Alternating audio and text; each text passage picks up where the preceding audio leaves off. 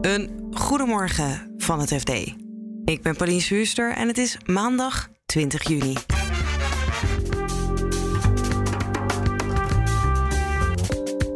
Het kon niet op voor de fintech-sector. Maar inmiddels durven investeerders het niet meer aan. Degene die vorig jaar gedacht hebben, we wachten nog, nog wel eventjes... want er is zoveel, zoveel geld in de markt en we doen het in volgend jaar wel... Um, ja, die, die kunnen wel eens een probleem hebben. En de gemeente Amsterdam voert de strijd op tegen de dark stores van de flitsbezorgers. Je voelt het al een beetje, er is een grijs gebied en daar zal dus vast ongetwijfeld over gediscussieerd gaan worden als, uh, als uh, die rechtszaken uh, gaan plaatsvinden. Dit is de dagkoers van het FD. Sinds een aantal maanden zit de klad erin bij de fintechs. Investeerders vrezen grote verliezen te moeten nemen en dat zet de markt op slot. Terwijl het daarvoor niet op kon. Er stroomden miljarden naar de sector. Met redacteur Rutger Bedlem gaan we terug naar die tijd. Oververhitting op de investeringsmarkt. Je zag dat partijen heel veel geld ophaalden in een hele korte tijd. Uh, ging, vaak ging het om honderden en miljoenen.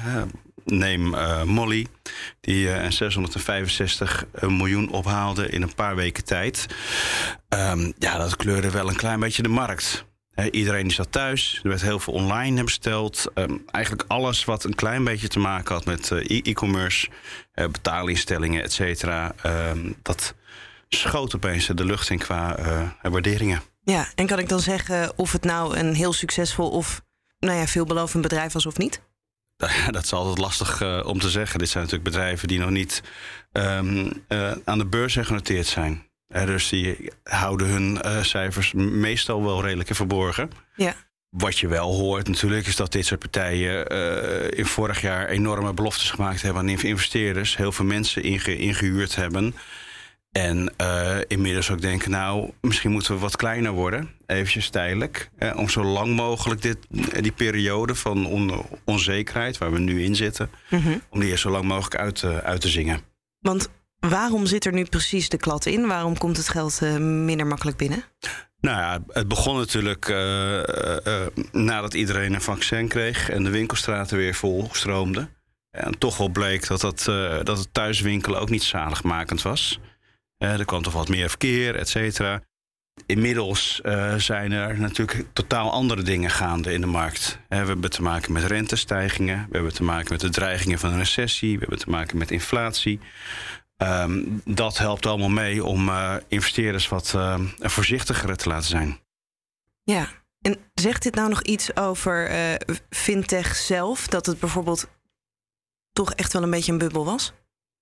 Ja, dat is altijd gevaarlijk om te zeggen. Um, ik denk wel, uh, en dat hoor ik ook gewoon uit investeringskringen, dat het in vorig jaar wel, nou, misschien wel um, iets te ver over de top ging. Dus dat het ook wel goed is als we even een stapje terug zetten en zeggen kijken van waar zit nou de echte waarde in deze bedrijven? Wie, wie heeft de kans om, uh, om winstgevender te worden of in ieder geval een break-even te gaan draaien in bepaalde markten? En, en, en, en waar zitten toch bedrijven van die vooral uh, heel veel hype zijn, maar wat minder uh, in de markt te betekenen? Ja, en hebben we een idee hoe lang de investeerders uh, af gaan wachten?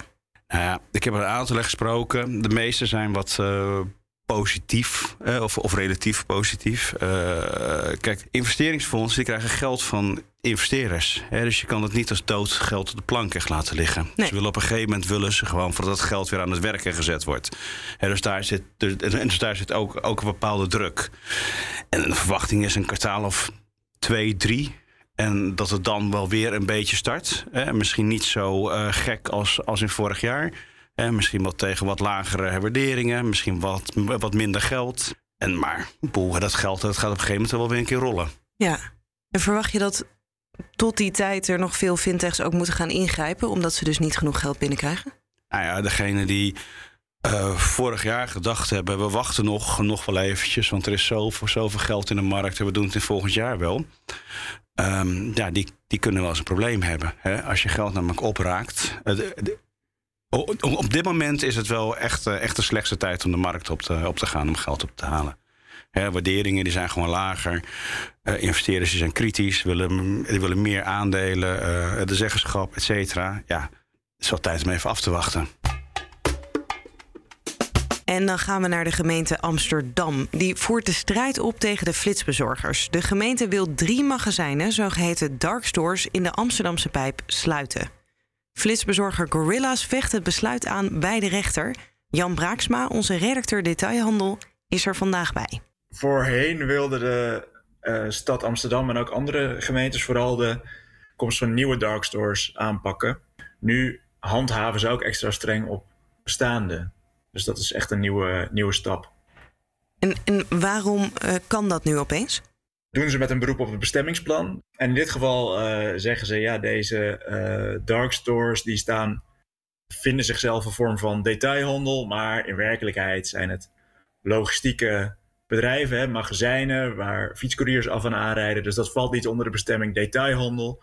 En ze zorgen voor veel overlast. En ook da daar kun je op handhaven als, als gemeente veel verhalen verschenen ook bij ons in de krant over buurtbewoners die zeggen: uh, er, er zitten, staan fietsen voor, bij mij voor de deur van die bezorgers. Ze, ze, hangen daar rond als het, zeker als het lekker weer is. Er moet een, een vrachtauto elke keer de straat in om dat magazijn te beleveren. Daar, dat, dat, speelt al langer. En flitsbezorgers zeggen, hebben, hebben ook afspraken gemaakt onderling om die overlast terug te dringen. In het begin ja, ging dat, ging dat uh, iets, iets moeizamer. Maar inmiddels zien ze zelf ook wel in dat ja, je kan bestaan bij de gratie van, van de buurt. En dat, dat, er dus, dat het dus ook wel handig is om af en toe naar ze te luisteren. Wat is nu dan de reactie van de flitsbezorgers? Want het is dan vandaag staat Gorilla's voor de rechter, maar het zijn meerdere flitsbezorgers die uiteindelijk hun magazijnen, nou ja, volgens de gemeente zouden moeten sluiten, toch? Ja, precies. Het zijn uh, drie magazijnen in de Amsterdamse wijk De Pijp waar het over gaat. Twee van de drie exploitanten daarvan, dat zijn Gorilla's en Getir, die zijn naar de rechter gestapt. Van de derde, Zep, weet ik het nog niet, want die hebben niet geantwoord op mijn vraag. Um, en die, die flitsbezorgers zeggen, nee, wij zijn wel degelijk, wij mogen wel degelijk van het bestemmingsplan hier zitten. en Getir zei, ja, wij vinden dat we wel binnen het bestemmingsplan passen, want het bestemmingsplan gaat niet alleen over detailhandel, maar het laat ook andere vormen toe. En ze vinden zichzelf, ze hebben de, de Dark Store iets aangepast. Dus je kan er naar binnen lopen nu om uh, spullen te halen en te kopen. Als je er langs loopt, zie je ook dat ze een soort van etalage hebben ingericht. Dus ze zeggen, nou, daarmee voldoen we wel degelijk aan de eisen van detailhandel. Dus uh, wij, wij mogen hier wel degelijk zitten, nog afgezien van al die andere bestemmingen die volgens het bestemmingsplan mogen. Ja. En ze zeggen, we hebben ook heel veel gedaan om de klachten van de buurt tegemoet te komen. Dus uh, waardoor ze zeggen, ja, de gemeente gebruikt nu argumenten die uh, het bedrijf niet, niet juist vindt, niet vindt kloppen. En hebben experts een idee welke kant uh, dit op gaat vallen? Nou, tot nu toe uh, ging de rechter er altijd in mee als de gemeente betoogde dat, dat dark stores geen vorm van detailhandel zijn. Um, dus die route lijkt redelijk lastig. Maar ik heb met een advocaat heb ik het, de, de bestemmingsplannen bekeken. En zij zei. Nou, die, die bestemmingsplannen staan ook allerlei andere vormen van ja, bedrijvigheid toe dan alleen detailhandel. Dus ook zakelijke dienstverlening. Ja, dan wordt het een en, en het, het uitoefenen van een fietscouriersbedrijf of van een couriersbedrijf.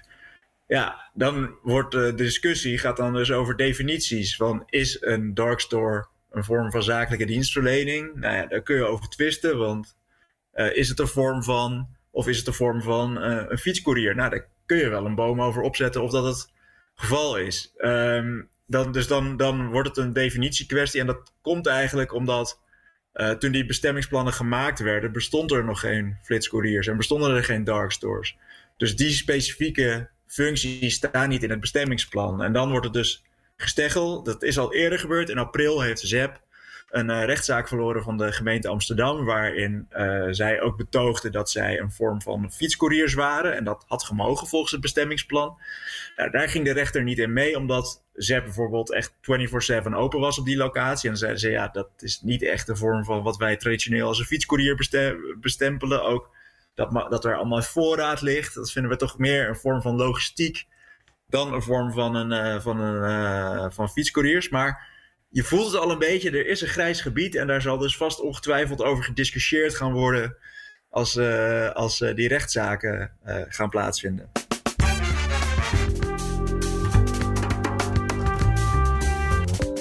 Dit was de dagkoers van het FD. Je vindt ons elke werkdag in je favoriete podcast-app. Moet je wel even abonneren of volgen als je luistert in Spotify. En het laatste financieel-economisch nieuws, dat volg je op fd.nl. En daar vind je ook de verhalen van Rutger en Jan. Voor nu een hele fijne dag en tot morgen.